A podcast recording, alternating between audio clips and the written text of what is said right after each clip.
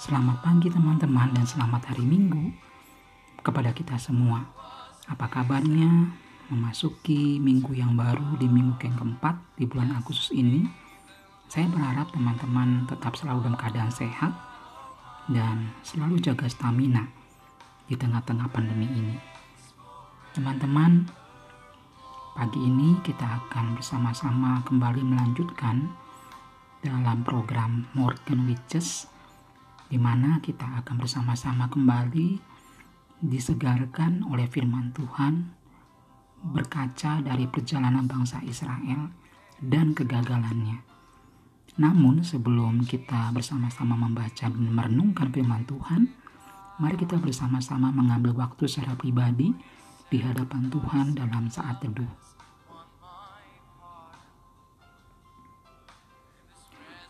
Teman-teman dikasih Tuhan, tema atau topik yang akan kita bahas berkaitan dengan pembacaan kita yaitu hikmat di balik kegagalan.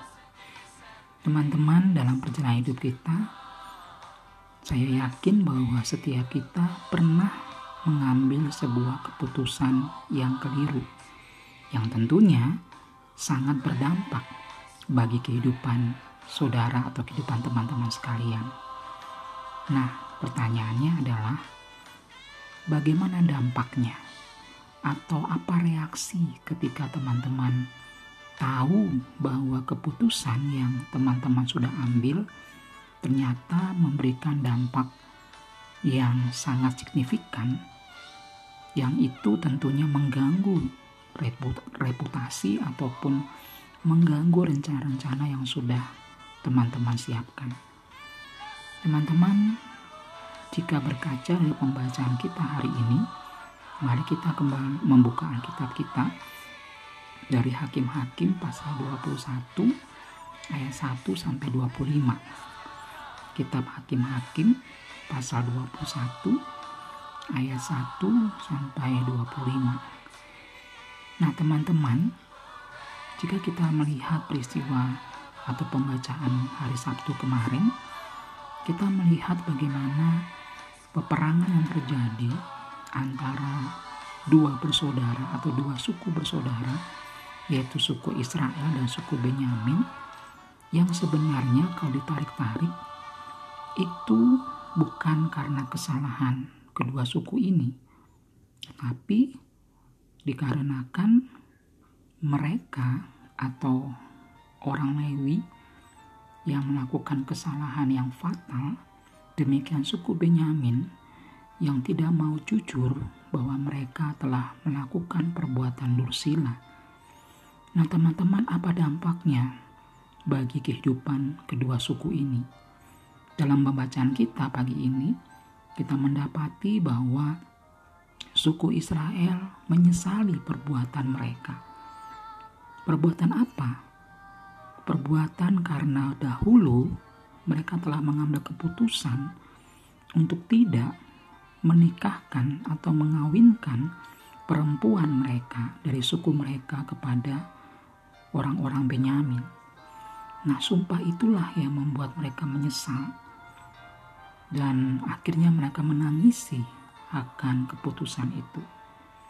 Namun sebenarnya tidak hanya berdampak dari penyesalan itu, ketidakmampuan mereka untuk mencari bimbingan Tuhan membuat mereka perbuatan mereka ini atau keputusan mereka yang keliru itu berdampak secara luas.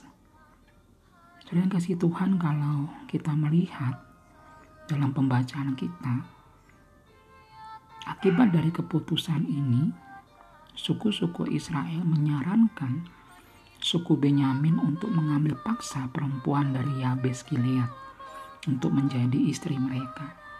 Namun karena jumlah orang-orang Benyamin lebih banyak, maka suku Israel kembali mencari dan mereka menemukan para perempuan Silu yang jumlahnya sama dengan laki-laki dari suku Israel dari suku Benyamin. Maka mereka meminta kepada suku Benyamin atau orang-orang suku Benyamin untuk bersetubuh atau meniduri para perempuan silu yang masih perawan, sedangkan yang tidak bersama dengan laki-laki yang lain mereka dihabiskan atau dibinasakan.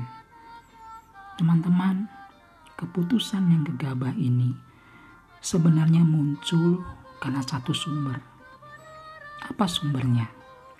Sumbernya adalah karena suku Israel sebagai umat pilihan Tuhan tidak lagi bertanya kepada Tuhan apakah yang harus mereka lakukan ketika mereka sudah jatuh dalam kesalahan demi kesalahan. Akhirnya, mereka berbuat kejahatan dan merambat pada kejahatan lainnya. Kalau kita melihat dalam pembacaan kita di ayat yang terakhir, ayat 25 itu dengan jelas kembali diingatkan bahwa pada zaman itu tidak ada seorang pemimpin di Israel, sehingga setiap orang berbuat apa yang benar menurut pandangannya sendiri. Rekan-rekan kita bisa melihat di sini sangat jelas keputusan yang gegabah itu karena mereka tidak melibatkan Tuhan dalam setiap pergumulan demi pergumulan yang mereka hadapi, termasuk ketika mereka berbuat serong dan tidak mendengarkan Tuhan. Ketika mereka salah, Inilah yang membuat mereka akhirnya jatuh dan jatuh terus ke dalam dosa. Dan itu membuat akhirnya Tuhan memuji bahkan menghukum mereka. Melalui nas ini kita belajar bahwa sebuah keputusan bisa merambat serta mempengaruhi banyak aspek. Dalam kitab Amsal pasal 3 ayat 5 sampai 6 kita menemukan bahwa dikatakan di sana percayalah kepada Tuhan dengan segenap hatimu. Akulah dia dalam segala lakumu.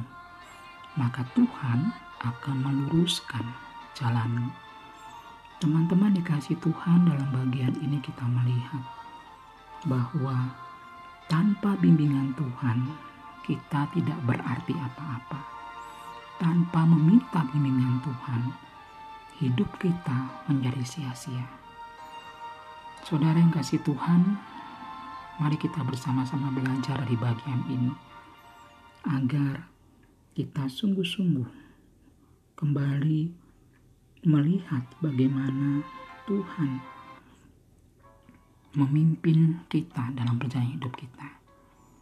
Kita tahu bahwa kita pernah gagal, tapi bukan berarti kegagalan itu membuat kita menjadi pribadi yang pesimis dalam hidup, bahkan sampai akhirnya berputus asa dan mencari jalan sesuai dengan kehendak kita. Dari bagiannya kita belajar, hanya dengan mencari kehendak Tuhan, kita dapat mengetahui apa yang benar dan yang mendatangkan kebaikan bagi kita. Kita melihat kembali dalam Efesus pasal 2 ayat yang ke 10 dikatakan demikian. Efesus pasal 2 ayat yang ke-10 berkata demikian. Karena kita ini buatan Allah, diciptakan dalam Kristus Yesus untuk melakukan pekerjaan baik yang dipersiapkan Allah sebelumnya. Sebab Tuhan mau supaya kita hidup di dalamnya masing-masing kita sudah dalam rancangan Tuhan. Tinggal kita bertanya kembali kepada Tuhan, apa yang Tuhan kehendaki untuk masing-masing kita lakukan.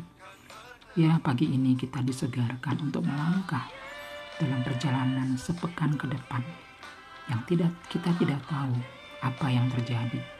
Tapi kita meyakini janji Tuhan, penyertaan Tuhan, dan firman-Nya yang hidup yang akan terus menjadi dasar berpijak kita di dalam setiap mengambil keputusan. Demikianlah firman Tuhan, biarlah setiap kita menjadi pelaku firman Tuhan yang selalu meminta bimbingan Tuhan dalam mengambil sebuah keputusan. Selamat hari Minggu, Tuhan Yesus memberkati.